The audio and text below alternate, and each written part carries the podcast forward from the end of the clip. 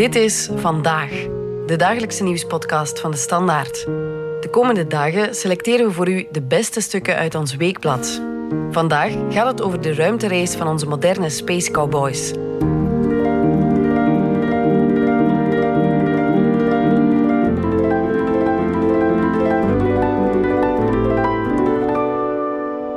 Dat Amerika en Rusland destijds om het eerst op de maan wilden staan, dat weten we. Maar de race naar de ruimte was daarmee niet afgelopen. Alleen is die nu niet langer in handen van landen alleen. Het zijn de rijkste op aarde die in de race zijn gestapt. Elon Musk droomt van Mars en Jeff Bezos wil de maan koloniseren. Dus, ladies and gentlemen, fasten your seatbelts. Wij gaan op ruimtereis. Space Cowboys, een stuk van chef economie Annelien de Greef van 30 april 2021. In 1982 vroeg de Amerikaanse krant Miami Herald de slimste 18-jarige van de staat wat zijn toekomststroom was. Pretparken bouwen in de ruimte, klonk het zonder schroom of twijfel. Jeff Bezos was net afgestudeerd als de allerbeste van zijn jaar in een bolleboze school. Daarom mocht hij de afstudeertoespraak geven, een eer voor de primus waarop hij altijd geaast had. Space, the final frontier, begon hij die speech met de openingszin uit Star Trek, de sci-fi reeks uit de jaren 60 waaraan hij als kind verslaafd was. Om de aarde te redden moest de mens eraf gehaald worden en verhuizen naar kolonies elders in het heelal.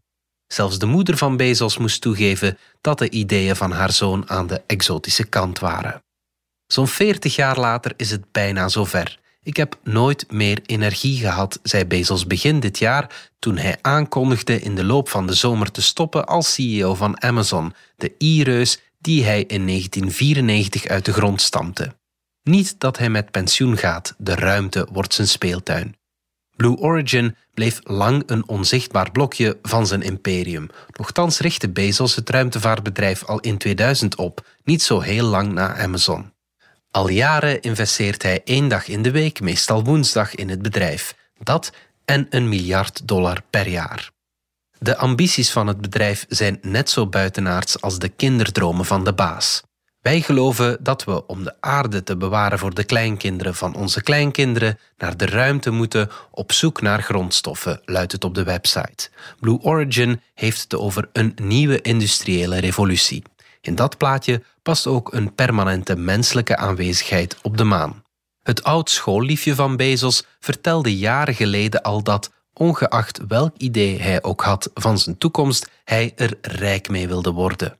Er was geen manier om te krijgen wat hij wilde zonder geld. De reden waarom hij zoveel geld verdient is om de ruimte in te gaan, citeerde journalist Brad Stone haar in The Everything Store, zijn biografie van Bezos uit 2013.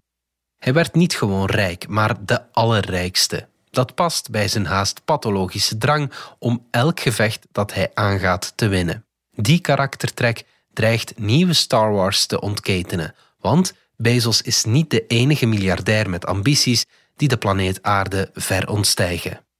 Enter Elon Musk. Onlangs ging een foto uit de oude doos viraal. Een onuitgegeven exemplaar van een zeldzame ontmoeting tussen Bezos en Musk. Op het beeld ziet Bezos er zachtaardiger uit dan vandaag, met nog wat haar hier en daar en zonder de spieren die hij de laatste jaren kweekte.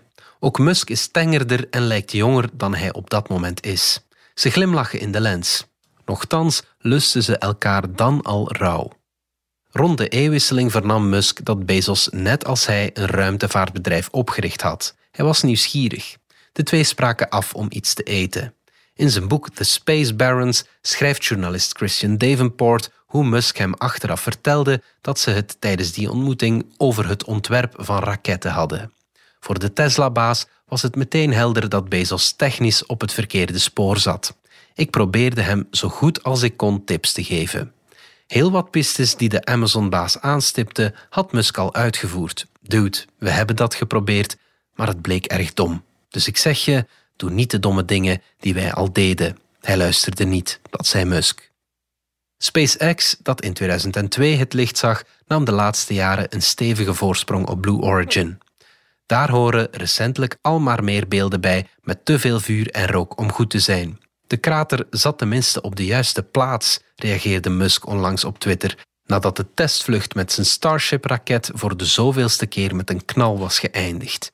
De mislukking was snel verteerd. Eind april vlogen vier astronauten succesvol naar het internationaal ruimtestation ISS in een ander type raket van SpaceX. Even voordien had het Amerikaanse ruimtevaartagentschap NASA aangekondigd dat het samen met het ruimtebedrijf van Musk na een halve eeuw weer mensen naar de maan wil vliegen. Een historisch moment. De waarde van het contract met SpaceX bijna 3 miljard dollar. Sinds de aankondiging staat naast de naam van Musk op Twitter niet alleen technokoning van Tesla, maar ook keizer van Mars. De maan is niet meer dan een noodzakelijke tussenstop. Zijn ambities reiken veel verder. Ook het ruimtevaartbedrijf van Bezos had meegedongen naar het prestigieuze contract met NASA, maar greep ernaast. Eerder deze week ging Blue Origin in de aanval. Het betwist de procedure die NASA heeft gevolgd en dient een bezwaar in. Dat SpaceX won was een verrassing en een vernedering. In een persbericht liet Blue Origin weten dat de keuze voor de concurrent er een met grote risico's is. Ze bedreigt de Amerikaanse terugkeer naar de maan. Dat liet Musk zich niet zomaar zeggen. Ik denk dat Bezos al zijn aandacht aan Blue Origin moet geven als hij wil dat het een succes wordt. Ik hoop eerlijk gezegd dat hij dat zal doen. Niet toevallig een reactie tegenover de Washington Post, de krant waarvan Bezos eigenaar is. Het is niet de eerste venijnige pingpong tussen de twee. Vooral Musk is er bedreven in. We gaan nog sneller dansende eenhoorns ontdekken, zei hij ooit over de kansen van de concurrent om een raket met astronaut de lucht in te schieten, of veel platter op Twitter nadat een testvlucht eerder dit jaar was uitgesteld. Hij krijgt hem niet recht. De aanpak van de twee ruimteveroveraars kan niet meer verschillen. Musk stak zijn ambities nooit weg, hoe grotesk ze ook klonken. Bezos timmerde lang ver van de schijnwerpers aan zijn droom. Als hij met Amazon altijd voor verschroeiende groei ging, dan koos hij een heel ander motto voor zijn ruimtemissie. Gradatim ferociter of stap voor stap maar woest staat op het wapenschild van Blue Origin. Hij koos schildpadden als mascotte met hun blik op de sterren gericht. We zitten niet in een race. Er zullen vele spelers zijn in de ruimte. Het is een illusie te denken dat je er sneller raakt door stappen over te slaan, klinkt het op de website. Gokt Bezos op een ontknoping als in de fabel van de haas en de schildpad? Dan onderschat hij Musk toch beter niet, want die is niet van plan om in volle strijd op zijn lauweren te rusten. Wat wel klopt, er zijn al maar meer bedrijven die de blik al maar hoger richten. De space race van de miljardairs jaagt een hele industrie aan. De Amerikaanse overheid was jarenlang de big spender, maar de zin en de druk om geld in de ontdekking van de ruimte te pompen namen af. Ondernemers kregen vrij spel, met als regel: er zijn geen regels. De belangrijkste internationale ruimteverdragen werden uitgetekend in volle Koude Oorlog.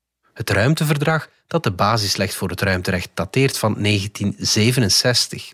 Ruimtevaarders zullen beschouwd worden als gezanten van de mensheid, luidt het daarin, of de verkenning en het gebruik van de ruimte zullen worden uitgevoerd in het voordeel en belang van alle staten, met nadruk op staten, want dat bedrijven zich zouden onttrekken aan de zwaartekracht, dat was toen nog science fiction. Uit een studie van de Britse hoogleraar Louisos Heracleus van de Warwick Business School blijkt dat bedrijven vandaag 80% van de ruimtevaartindustrie vertegenwoordigen. Grote Amerikaanse banken schatten dat de ruimtevaarteconomie in de toekomst al snel 1000 miljard waard kan worden. Musk en Bezos zijn ook niet de enige miljardairs met een zwak voor de wereld van de sterren en planeten. Richard Branson beweert al jaren dat hij met zijn Virgin Galactic van elke sterveling met diepe zakken een astronaut zal maken.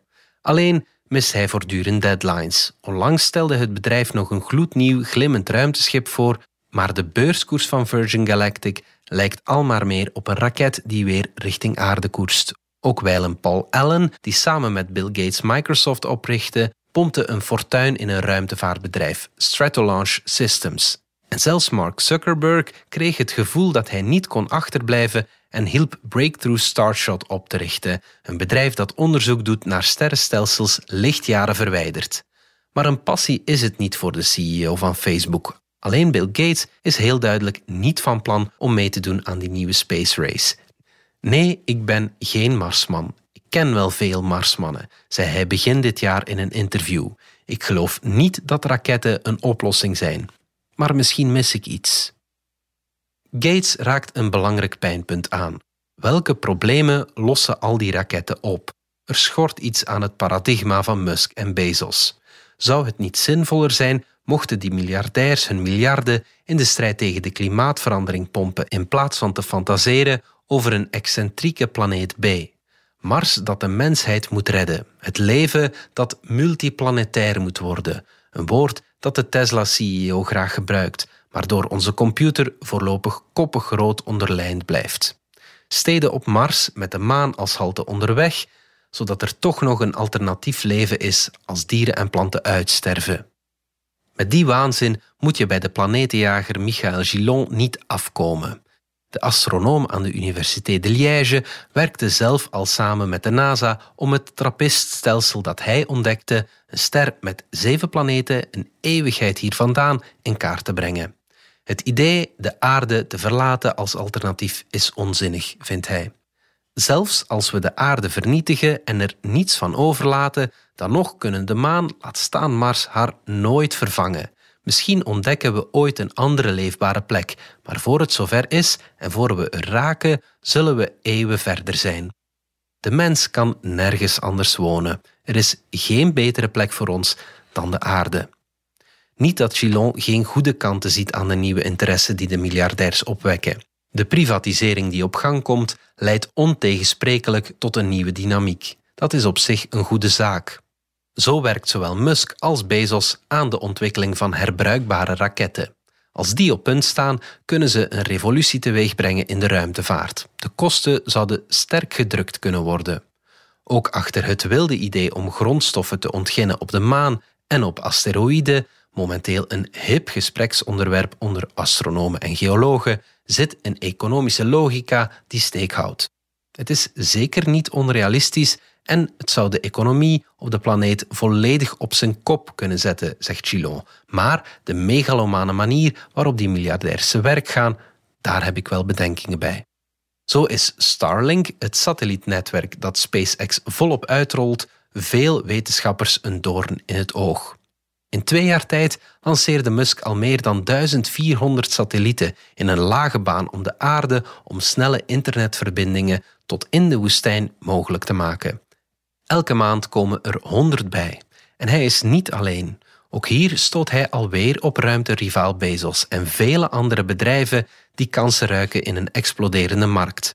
Investeerders likken baarden als Musk op Twitter laat vallen dat hij Starlink misschien wel naar de beurs wil brengen.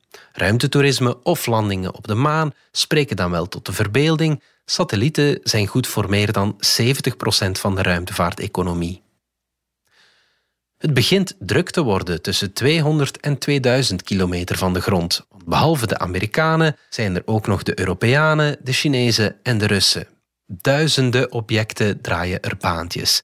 De Europese ruimtevaartorganisatie ESA waarschuwde vorige week nog voor de toenemende pollutie en voor botsingsgevaar. Het wordt al maar moeilijker om die malende materie te reguleren, zeker als machtige bedrijven zich ermee inlaten. Ruimterommel aanpakken is een topprioriteit. Dat zei de kersverse directeur-generaal van de ESA in een interview met de Financial Times, want het vormt een bedreiging.